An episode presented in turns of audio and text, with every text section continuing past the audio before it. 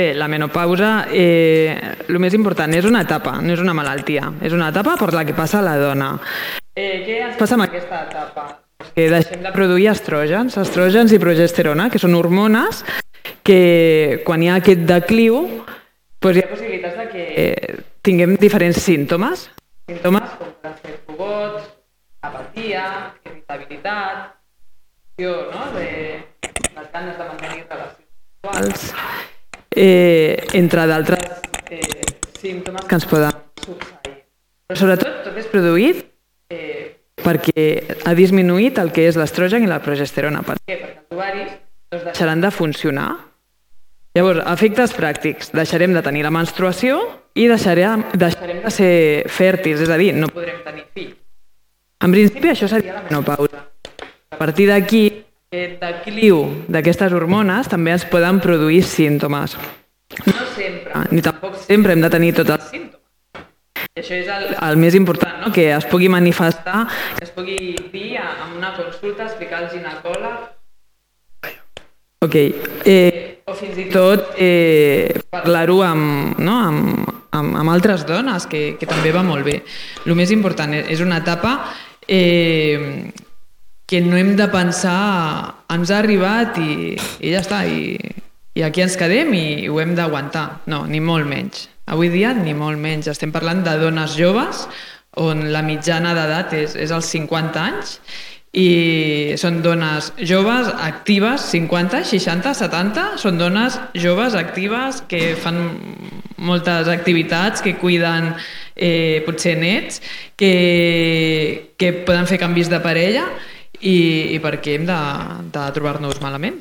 Uh -huh. Quedem-nos amb això, eh? que, que, que crec que és una de les idees que probablement fa, és un canvi respecte a generacions anteriors. No? També probablement perquè l'expectativa de vida de les dones era molt menor. No? Avui en dia la mitjana d'edat d'una dona està vora els 85 anys, si no m'equivoco, per tant són molts anys de la vida que viurem en menopausa i en els que ens passaran moltes coses i volem seguir vivint, volem seguir tenint relacions de tota mena, volem tenir seguint vida laboral, social, eh, sexual, de tot tipus. La menopausa ens, ens pot afectar, però entenc que hi ha manera de, de tractar-la i que aquests, sobretot hem d'entendre que no ens ha de rebaixar la qualitat de la vida. No? Entenc que aquest ha de ser l'objectiu, que la menopausa no ens prengui qualitat de vida. Ah, exacte, el que, com hem comentat abans, és una etapa i canviem d'etapa, però no per això ens hem d'aguantar ni hem de perdre qualitat, això mai en cap aspecte no, de la vida. Llavors, sí que s'ha d'individualitzar, no a tothom se l'ha de tractar de la mateixa manera i a vegades, fins i tot, no sempre s'ha de tractar. A vegades eh, eh, un símptoma no té per què ser tractat amb un, amb un medicament. A vegades ha, doncs, potser amb esport, o, o amb, altres, eh, amb altres línies però el més important és individualitzar, saber què és el que passa, perquè no és el mateix pues, una dona que té fogots que la dona que t'està comentant a la consulta que té molèsties quan manté una relació sexual, o la dona que et diu jo no em coneixo a mi mateixa, estic molt irritable, m'emprenyo amb tot, jo abans no era així, eh, no, no em conec, és que no m'aguanto no? a, a mi mateixa, i això realment angoixa i, i pot portar problemes amb el que és la dinàmica social, personal, laboral. Realment eh, podríem arribar no, a, a tenir moments complicats. Que insisteixo que no sempre és així.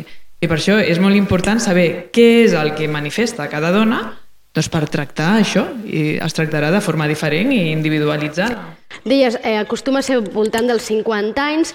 Eh, però hi ha un moment en el que comença la menopausa, és a dir, en el moment en què ens deixa de venir la regla, en què ens deixa de venir el període, és aquell moment en el que comença la menopausa, perquè sentim parlar també molt de la paraula climateri, no? Mm. Què és? Quina és la diferència entre climateri i menopausa? El climateri és quan, quan realment estem començant a deixar de produir estrògens. Això pot durar anys. O sigui, no hi ha un dia amb el que diem hem començat un climateri o hem començat una menopausa. I el climateri, per exemple, pot ser doncs, d'entre els 43, 44, 45, depèn de la dona, 47, 48, fins als 50, 55, no sabem, cada dona és un món. Això és bastant genètic, no? A vegades preguntem a la teva mare quan li va venir la menopausa. Doncs pues mira, tu sembla que potser estàs, no? la, frase, la, la frase de tontejant no? amb la regla, i al final es tracta d'estar de, eh, disminuint la producció d'estrògens. Llavors podem començar amb símptomes, doncs últimament he tingut algun fogot, però bueno, no és sempre. O em desperto per les nits. No és sempre, però em desperto per les nits. O últimament estic una miqueta més apàtica. O, escolta, estic fent dieta i abans, amb dues setmanes, em posava genial i ara és que va, vaig a base d'aigua i, i, i, i amanida i és que no hi ha manera bueno, doncs potser estàs deixant no, de produir aquestes hormones i t'estàs apropant al que és a la menopausa, però continues menstruant. O a vegades dius també, eh, doncs estic tenint tres menstruacions a l'any. O ara fa quatre, que, quatre mesos que no em ve, però ara ja sí que m'ha vingut. Mira, ara potser ja estic bé. O, o ara tinc les regles molt més fortes. Llavors estem veient que, que estem patint canvis i tot això és per l'alteració hormonal i això se li diu climateri. Quan diem que estem ja menopàusiques? Pues realment quan ja no estem produint o és una mínima producció d'estrògens, llavors ja sí que no menstruem i ja, òbviament, no som fèrtils. Uh -huh. Aquí és quan diríem que som menopàusiques. Uh -huh. Per tant, en climateri entenc que podem estar un, dos o molts anys, no? fins i tot deu, entenc Exacte. que podríem estar en climateri i això ja es pot tractar, no? És a dir, sí. no hem d'aguantar. No, per suposat que no. No, no, o sigui, com, com tota la vida. Eh, si tenim... Clar, t'ho eh... pregunto perquè és que, a veure, que allò de tens fogots, doncs mira, és que eh, estàs premenopàusica, no sé què, pues mala sort, no? T'ha tocat ser dona i t'ha tocat... Vull dir, era un missatge que arribava. Jo crec que aquí les que tinguin més edat ho sabran, eh, ho podran confirmar, no? Aleshores, d'entrada potser cal dir que que no hem d'aguantar, és a dir, en el moment en què tu tens 40, 40 pocs anys i ja notes algun d'aquests símptomes, ja podem anar al metge i el metge, en aquest cas el ginecòleg o la ginecòloga, ja ens hauria de eh, tractar d'alguna manera aquests símptomes, oi? Exacte, al, al final es tracta de, de tenir qualitat, no? Hi ha moltes coses que són naturals, no? La, la menopausa és una etapa, és natural, però no per això hem de patir els símptomes. Eh, la vista, doncs podem tenir catarates i no per això no ens operem, no? Ens operem. O hi ha malalties molt més greus, com pot ser una leucèmia. No l'anem a buscar, no hem fet res. Pot ser algo natural, però no per això deixem de tractar-la. Pues amb la menopausa el mateix, si tenim símptomes, els hem de tractar. No tenim per què patir-los, no tenim per què trobar-nos malament, perquè avui dia és que la dona eh, menopausa, que és una dona molt jove, i al final som actives fins al final de la nostra vida, no? Hem canviat, la generació ha canviat. Doctora, què passa quan anem al metge i diem, escolta'm, jo és que fa uns mesos que no estic molt fina, que em noto més irritable, o això, eh, qualsevol d'aquests símptomes que deies ara, o que em noto fatigada, o que no hi ha manera de treure'm aquests 3 quilos que abans me'ls treien dos dies, i tinc la sensació que, que, que igual estic entrant en menopausa, no sé què, i el metge et diu, mm, doncs no hi ha res a fer, quan et vingui vindrà. Què hem de fer? Bé. Perquè passa això, eh? Passa.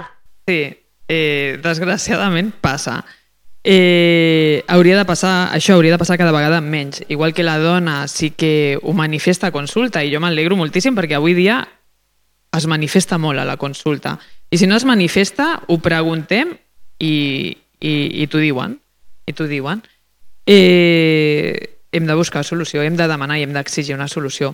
Sí que és veritat que a vegades si estem cansades o, o ens trobem malament, el metge està obligat a descartar altres causes. Potser tenim un altre problema uh mhm. -huh. extern, no? I no tampoc tot ha de ser degut a la menopausa, no? I és, bueno, és que està menopàusica. No, la frase és errònia.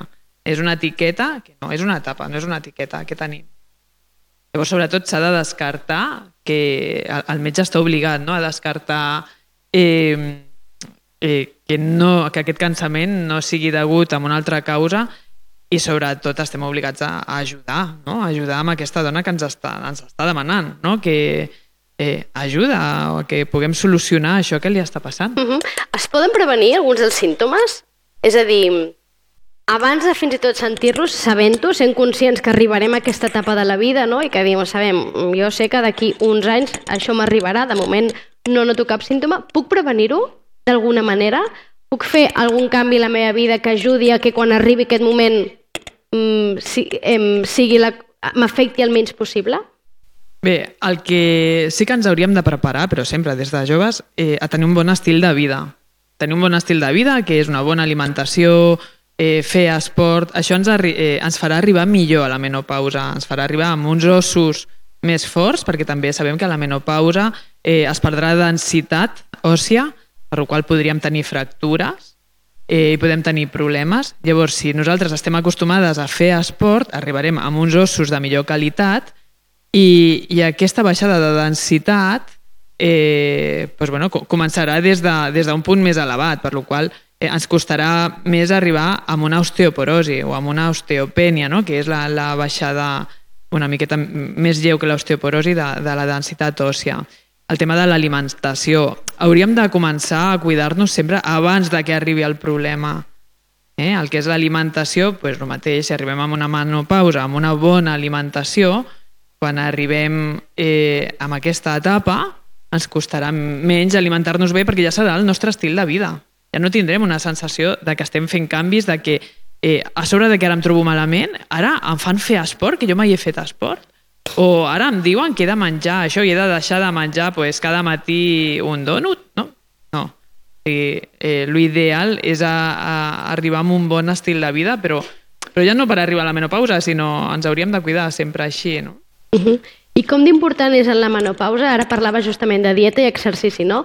Quina, mm, com d'importants són en aquest període de la vida, en aquesta etapa de la vida per les dones? Perquè tot el que sentim darrerament, justament, més enllà de la part medicalitzada, que en parlarem també, eh? perquè crec que també és interessant i que hi ha dones que la necessiten, no? però com d'important és que ens cuidem, no? que un, un cop ja estem en, en menopausa, que ens cuidem, que cuidem l'alimentació, que siguem rigorosos amb això, que fem exercici a diari, fins a quin punt això realment pot eh, minvar els símptomes o, o, o fins i tot eliminar-los.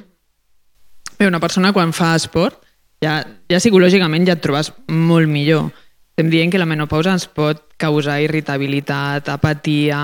Eh, també, eh, quan s'arriba a la menopausa, tothom nota un, un canvi no? amb la redistribució grassa, és a dir, la dona normalment té la forma de pera, no? amb la cintura, no? més maluc, els homes són com si fossin una poma, no? més rodonets, no? La, no, no tenen cintura.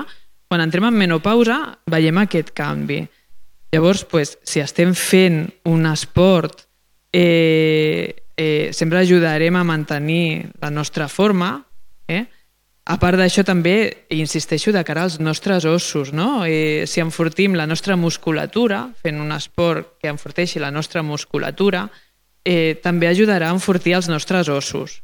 Respecte a la dieta, pues, el mateix, no? dieta amb calci, eh, que sigui rica en calci, eh, eh, el que és més peix, menys greixos, tot això sempre ens ajudarà perquè eh, quan arribem a menopausa també tenim més risc de tenir un colesterol elevat, de tenir més risc de tenir un infart de miocardi, uh -huh. que fins al moment de la menopausa la dona sempre està eh, té un risc menor a l'home, però quan arribem a la menopausa fins i tot podem superar aquest risc.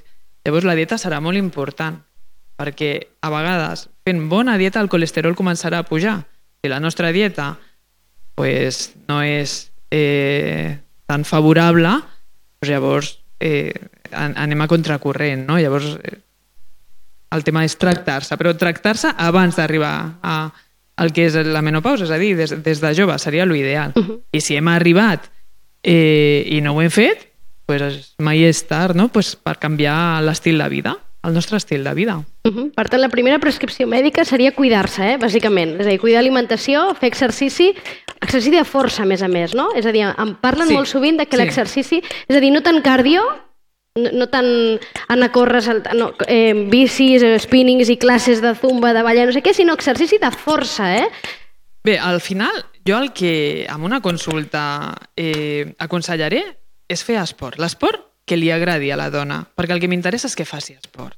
Perquè encara que facis, si fas un yoga o un pilates, mm. també t'anirà molt bé per relaxar-te. Ui, i treballa I molt la força el pilates, exacte, moltíssim. Exacte. Uh -huh. Però també relaxaràs que en menopausa a vegades doncs, hi ha uns moments que són de més irritabilitat. Eh, potser la natació no seria el millor esport, però si el fas a tu també t'anirà molt bé, per la qual el que vull és que la dona faci esport diàriament o rutinàriament o periòdicament, però que el faci sempre. Prefereixo que faci un esport que potser no sigui el millor, però que el faci dos, tres cops, quatre cops a la setmana, que no, que un dia pues, això el que hem dit, no? vagis a córrer, que córrer també està molt bé, però que vagis a córrer i no ho facis més fins al mes vinent pues, perquè has passat molta calor o has passat molt malament i no és l'esport que a tu t'agrada. Doncs al final és buscar un esport que ens agradi. Si aquest esport ha de ser anar a caminar, anar a caminar tres vegades a la setmana, me'n vaig a caminar amb les meves amigues pel passeig, que aquí a més ho tenim tot molt favorable per Sí, anar a caminar. cert. Eh, també és un molt bon esport, és un molt bon esport, però el més important és fer-ho les màximes vegades possible i sempre. Eh? Plogui o el que sigui. Si plou, doncs potser podem buscar per fer un esport a casa o per fer un esport al gimnàs. És igual. Uh, és com si fos un tractament, com si fos la pastilla, l'esport. És molt, molt important. És el que dèiem que a vegades no s'ha de medicalitzar tot, però això és un tractament i és un molt bon tractament. Uh -huh. Que entenc que es comença per aquí, no? És a dir, un, eh, al nivell sanitari també el primer que et deuen recomanar els metges deu ser primer això, i si això no evoluciona no millora és quan entres ja en la part de medicalitzar, no? I, i anem a parlar això de la medicalització de la menopausa, perquè hi ha un tractament hormonal substitutori, no? substitutiu, que entenc que en determinats moments eh, s'ha de donar i fins i tot pot ser beneficiós. És a dir, hi ha dones que el necessiten i que no donar-los també eh, entenc que és eh, obligar-les a viure amb una qualitat de vida molt baixa. Exacte. A veure, eh, com tots els tractaments amb, amb com tots els tractaments no, que donem als metges, eh, hi ha una escala. Es pot començar des de baix fins a dalt. Llavors, el que he comentat abans, s'ha d'individualitzar. A vegades hi ha dones que el símptoma principal o el problema principal que té amb una menopausa és que li fem una densitometria òssia i hem vist una baixada de, de densitat òssia, doncs li donarem el tractament pels ossos. Si aquesta dona ens està donant, ens està explicant altres símptomes que realment li estan dificultant el seu dia a dia, potser hem d'arribar al tractament hormonal substitutiu. Eh, cap problema. I ella es trobarà doncs, molt bé, sempre es fa amb màxima seguretat, amb, amb un control ginecològic exhaustiu, que, que al final no és res especial, és el que la dona s'hauria de fer sempre i controlat per un metge. I, òbviament, la dona canvia completament no, de, de, uh -huh. de qualitat de vida. Sobretot, s'ha d'individualitzar. I no és entro en menopausa i ja donem aquesta bateria de tractament. No, en funció de la dona i dels símptomes que, que ens puguin donar a la consulta, doncs decidirem quin és el tractament acordat amb ella i, i perquè ella millori i es trobi bé. Es trobi, doncs, igual o, o fins i tot millor perquè que abans de- d'entrar de, en menopausa. Uh -huh. Però entenc que no hem de tenir por, eh? que No. si ens medicalitzen, ens medicalitzen, no passa res. Es tracta de poder seguir vivint els 40 anys de vida que ens queda doncs amb qualitat de vida, que després entenc, a més, aquest tractament té un seguiment i potser que en determinat moment eh, decideixin treure tal o no, és a dir, també en funció de com evolucioni, no? Exacte. Però eh, que hi ha com molt de mite també, no? Amb això del... És veritat que en el seu moment van sortir uns estudis, no? Si no recordo malament, que el, el relacionaven amb el càncer de mama, això ja s'ha demostrat que no, que no és així. Hi haurà gent, òbviament, que no per temes diagnòstics no serà apta, diguéssim, però no és així. Hi ha moltes dones que avui en dia s'estan medicalitzant, estan prenent la teràpia hormonal substitutiva i, escolta'm, sort d'aquesta teràpia, perquè si no igual ho estaríem passant realment molt malament com ha passat històricament, no? que moltes dones doncs, han patit de, de la menopausa i, i s'entén que no s'ha de patir. Parlem dels fogots, que és com... Sembla de vegades que sigui l'únic símptoma de la menopausa, no? És veritat que són incomodíssims, no? A les que hem tingut alguns, jo ja sóc una d'elles, és una cosa estranyíssima, no? Et despertes mm, mm, xopa i dius, què ha passat aquí? Sembla que m'hagin regat amb una manguera, no entens absolutament res. Això es pot tractar? Sí, sí, sí. De fet, és un dels símptomes més fàcils per tractar, eh, els fogots. Jo crec que, eh, a és, a més, és dels primers símptomes. És un símptoma que, que bueno, qui no ha conegut no? amb una dona que en un mes de gener la veus amb un vano, que la veus suant, no? i dius, però jo, tots tenim fred i aquesta persona jo crec que tots tenim no? algú al cap que l'hem vist i després pues, ho hem pogut patir després nosaltres, no? Eh, el fogot, que, que fins i tot hi ha molta gent no? que, que, que a vegades pot fer, no? desgraciadament, gràcia i aquella persona ho està passant malament, primer, perquè la seva dinàmica social, estàs allà, potser tinc una reunió, potser estic treballant i de sobte, buf, em poso a suar, no té cap sentit, no sé on posar-me. Eh, per la nit també et pot despertar, si et desperta no descanses, si no descanses el dia següent, a més estàs més irritable i tot suma, tot suma, tot suma. I sí, efectivament, sí que hi ha tractaments. Hi ha tractaments, com he comentat abans, eh, amb escala, podem començar des de pues, tractaments derivats de plantes, no? Uh, fins al que és el tractament hormonal, no? que, que els treu completament, dependrà sempre de, de quina freqüència eh, amb quina freqüència no? tinguem aquests fogots i, i, i què és el que ens està fent patir. Però sí, és, de fet és un dels símptomes jo crec que més fàcils de tractar i que cap dona tindria per què aguantar-los. Clar, que una mica el missatge és aquest, eh? No hem d'aguantar-ho, això. És a dir, no tenim per què aguantar-ho. Hi, ha, hi ha possibilitats de, de reduir-los o treure'ls, eliminar-los. Eh, no obstant, un dia parlant amb tu recordo que em deies que no era la consulta més freqüent. És a dir, quan venen les dones a consulta i et t'expliquen, no? Escolta, jo mm, sento que estic malament o ja saps que esteu en tractament menopàusic, el, un dels grans patiments té a veure amb la sexualitat, justament, no? perquè també afecta la sexualitat.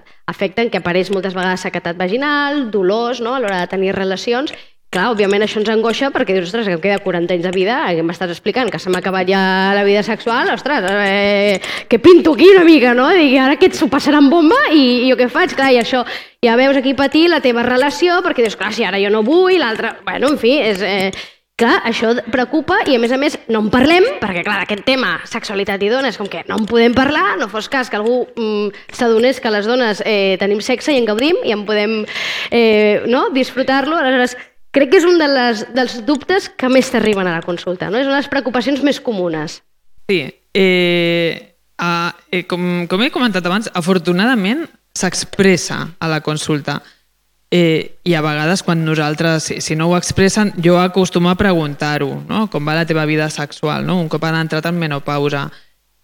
Me, cada vegada menys em diuen, bueno, això ja va passar a la història, però m'ho continuen dient. Però bueno, cada vegada va passar la història el sexe, diuen. Exacte, sí, sí, el sexe. sí, forma part de la història, no?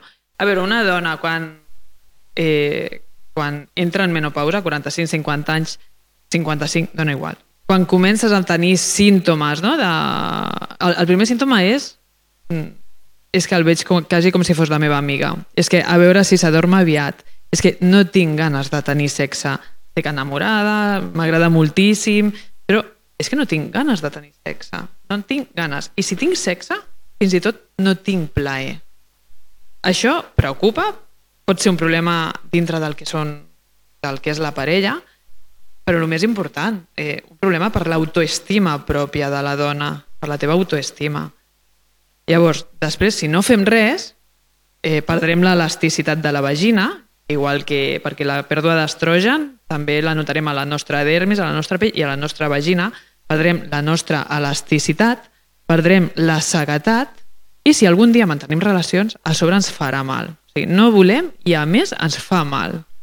No? Llavors aquí és quan, sí, Tanquem. Home, que s'han produït tots els, sí, sí. Els elements, no? Sí, Perquè diguis sí, no per sí, sempre més. Sí, però això pot ser ràpid. Pot ser algo ràpid si no fem res. Llavors sí que, sí que és un tema a tractar a consulta i exacte, també hi ha, també hi ha solució. Eh, és algo que s'ha de tractar amb molt de, cari de, amb molt de carinyo i jo fins i tot sempre convido a que vingui la parella. Si hi ha parella, que vingui la parella per explicar-ho, perquè també ho ha de saber, perquè s'ha canviat perquè una dona amb 50 anys no és el mateix que un home amb 50 anys. I encara que no tinguem 50 anys i siguem més grans, també. També ens agrada mantenir relacions sexuals. La dona de 60, 70, 75, són dones actives, són dones actives. I a consulta la dona t'ho demana, t'està demanant que vol mantenir relacions però que té problemes, que què pot fer? Perquè, escolta, si jo mantinc relacions és que vull tenir plaer també. Perquè hi ha dones que tenen relacions però no tenen plaer. Llavors aquest és un tema, és un tema delicat que s'ha de tractar perquè es pot tractar. I sí que és un tema que cada vegada més s'està parlant a consulta i, i jo m'alegro perquè abans eh, això podia produir un, no? eh, una baixada d'autoestima pues, a qualsevol dona que es troba eh, a, a, amb aquest problema. Uh -huh. No, no, i, i, i, i després, òbviament, amb l'afectació amb la teva parella, no? Perquè, okay. òbviament, això té afectació. I justament, lligant-ho amb això, eh, jo crec que tenim un tema també important i és com expliquem al nostre entorn que ens passa això, no? Perquè com que la menopausa és també com que el com ha estat sempre algo tabú, no? Com expliquem doncs, a la nostra parella, no? Dic, no, carinyo, no és que no t'estimi, no és que no sé què, és que ara en aquests moments necessito anar al metge perquè és que em passa això, no? Eh, o no m'agrada, o, o no em ve de gust, o, o em, em fa mal, és que clar, no estic gaudint, i es tracta de que gaudim els dos, no només tu, no? Aleshores, com ho expliquem? Aquest és l'altre gran tema, no? Com expliquem al nostre entorn, al nostre voltant, que estàs en aquesta situació i que bueno, vas a buscar tractament, però que això també requereix d'un temps. Entenc que no vas al metge i et diu no passa res, pren això, que demà ja tindràs unes ganes, escolta'm, loques, eh, que la teva parella... És... No, eh, entenc que no va així, que deu ser un tema progressiu. Per tant, és important també explicar-ho, no? Deies ara, que vingui la parella, però com ho expliquem a casa? Eh, el més important és la comunicació. La comunicació. Si és la nostra parella estable, que portem amb ell doncs, un temps, ell sabrà com estem, perquè a més no només haurem canviat amb aquest aspecte, potser també estem més irritables, tenim uh -huh. més apatia i ens estarà passant pues, una sèrie de canvis. No sempre tenen per què passar, però a vegades sí que passen. Llavors, el més important és la comunicació i insisteixo, si es pot, que vingui a la consulta. A vegades no és una parella estable, perquè avui dia hi ha molt de canvi de parella. Uh -huh. Avui dia això és quasi el més normal, que hi ha canvis de parella. Pues jo crec que eh, s'ha de tractar a consulta, s'ha de tractar a consulta i s'ha d'informar, comunicar-ho. Comunicar-ho que no estem davant d'un problema, sinó davant d'un canvi i que nosaltres tenim ganes de millorar-ho i de solucionar-ho. Jo penso que quan tu estàs amb algú i t'està dient mira, em passa això amb tu i anem a fer aquesta activitat, ara estem parlant de sexe, però del que sigui, i jo ara mateix pues, tinc més dificultats, jo crec que el més important és que t'ho comuniquin, no? I crec que qualsevol persona ho hauria d'entendre, si no ja anem malament, però el problema ja és un altre, no? Eh, per la qual mm. ho hem de comunicar. Una mica el missatge general em queda que és que es pot viure bé en menopausa, eh? Per suposat, s'ha de viure bé. Simplement estem canviant d'etapa. Ara hem destacat el que són els símptomes, però ni tothom té per què tenir aquests símptomes, ni estem davant d'una malaltia.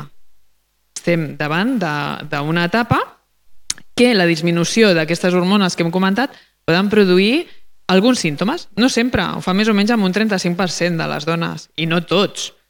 Simplement, eh, jo crec que el missatge és que els podem tractar, que els hem de tractar i que al final ens hem de cuidar perquè som dones joves i hem d'estar doncs, igual de bé que abans quan teníem els estrògens en un altre nivell. Estem parlant d'una baixada hormonal, però ni ens hem de conformar ni, ni és el que toca. Sigui, avui dia, no, però amb res, és, el que, és com l'exemple que hem posat abans si tenim catarates, ningú es queda sense veure. La gent va al metge i supera. O la presbícia, no?, que um, també pareix cap als 40 anys, no? També pareix allò que comences a fer així amb el mòbil. Ostres, malament haig d'anar al metge. Ostres, jo, que jo sàpiga, no hi ha cap metge oftalmòleg òptic que et digui no, mira, mala sort, tu has arribat a aquesta edat, doncs a partir d'ara cada el mòbil cada vegada més lluny. Home, no, caram, et fan unes ulleres, no?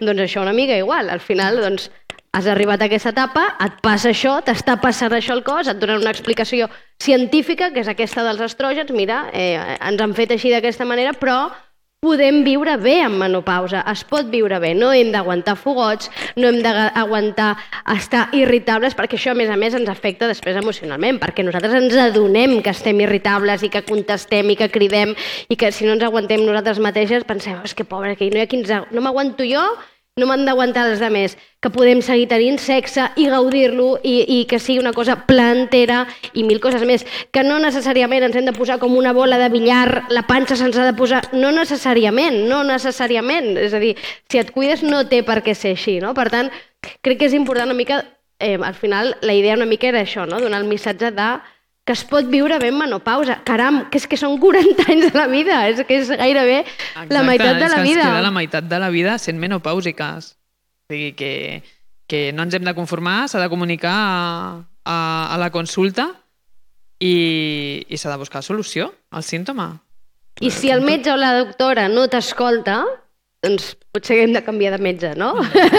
que n'hi ha d'altres, com aquí hem comprovat amb la doctora Ana Torres, que saben del que parlen, que t'escolten, que fins i tot eh, et pregunten no? perquè investigues una mica a veure què està passant i que hi ha tractaments, hi ha tractaments de tot tipus, no? Mm. Des dels més lleugers, diguéssim, més naturals, fins a una teràpia hormonal substitutiva que funciona, que és eficaç i que eh, entenc que ha ajudat a moltes dones perquè eh, fins i tot la menopausa històricament es lligava a depressions, eh? és a dir, a, a, sí, portava tant. les dones a una situació eh, gairebé desesperada, eh? I, i això ja acabava generant en una depressió i, per tant, amb una qualitat de vida ínfima. De fet, hi ha moltes dones, depèn del metge que li comuniquis, no? Eh, potser si no vas a un ginecòleg i li dius estic irritable, m'emprenyo molt, em trobo malament, estic apàtica, estic trista, eh, no em conec a mi mateixa eh, no m'aguant, em deixaran tots perquè jo sóc conscient de que m'he emprenyat massa per algo que era una tonteria, però no ho puc evitar. I molta gent està amb antidepressius. Depèn de qui li estiguis comentant, doncs et donen un antidepressiu, pots trobar més tranquil·leta, però potser no tens un problema per un antidepressiu. Potser el que tens és una història hormonal i s'ha d'abarcar des d'un altre eh, eh, punt de vista, no? I que, que tampoc és cap problema si algú ha de portar un antidepressiu perquè la causa sigui eh, una altra. Però clar, hem, hem de saber per on quina és la causa i sobretot el més important l'hem d'entendre, perquè a vegades és que no sé, no m'han donat aquest tractament, però per què? Doncs pues mira, perquè estava trista, estava... o no sé, no, hem, hem d'entendre què és el que ens passa. Jo crec que això eh, és part del tractament, entendre realment què és el que ens està passant. Doncs mira, me'n passa això perquè ara he baixat les hormones i ara pues, això m'està produint això tal, i la pell, i ara també em surten més arrugues i no sé què, doncs ara potser m'he de fer aquest tractament i aquest altre no? i entendre-ho. Hi ha un tractament perquè no et surtin arrugues? Bueno, és el mateix que l'esport, és el mateix que ah, l'esport. D'acord, eh? d'acord. Qualitat de vida, és, és, bons és, hàbits... És el mateix que l'esport, no? Quan Però neixes de menopausa eh? no et preparis per les Olimpiades, no? Però és que he potser ho vist la llum, he vist la abans, llum. no? He vist... I, bueno, hi ha tot tipus de tractament, però bueno, també hi ha una, no, hi ha una escala. També, també. Bé, en definitiva, el missatge una mica és aquest i al final el que reivindiquem, no només avui amb el tema de la menopausa, sinó una mica amb totes les xerrades. No? És una medicina adaptada a les dones.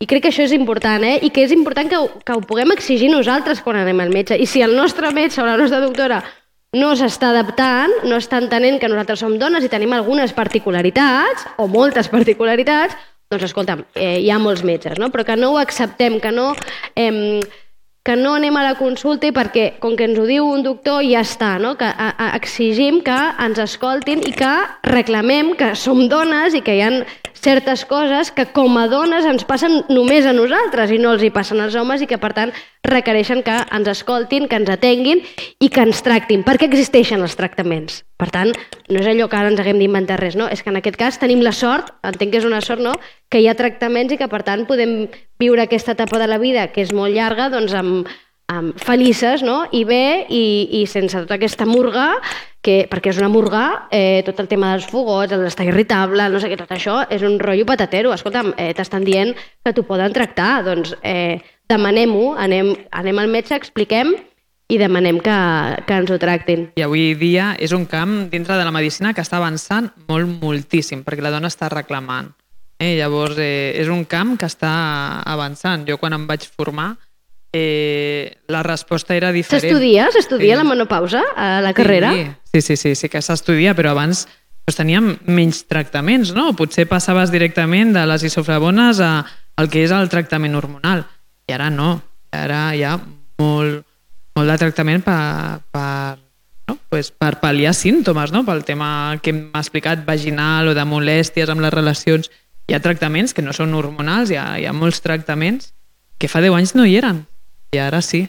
Llavors, uh -huh. pues, al final és parlar amb l'especialista i, i veure què és el que pot anar millor. Uh -huh. I que la vida no s'acaba, que continua a partir d'aquesta etapa que històricament, que és veritat que fa anys no vivíem tant, no? I probablement sí que eh, lligava més, no? Arribava la menopausa i quedaven poquets anys de vida, però no és el cas d'avui en dia, per tant, eh, aprofitem que la ciència ha avançat i ha investigat i eh, gaudim-ne no? d'aquests avenços Eh, doctora, jo no sé si vols eh, explicar alguna cosa més referent a la menopausa o hi ha alguna cosa que cregui que s'ha quedat per dir? Bé, no, jo crec que el missatge principal eh, és el que he dit al principi. Estem en, en una nova etapa que no és una malaltia ni molt menys, que hem destacat els símptomes però no tenim per què tenir-los tots i que al final estem parlant de dones joves que molt actives i que ens hem de cuidar doncs, igual que ens estem cuidant abans de la menopausa, no? O sigui, eh, al final hem de buscar la qualitat de vida.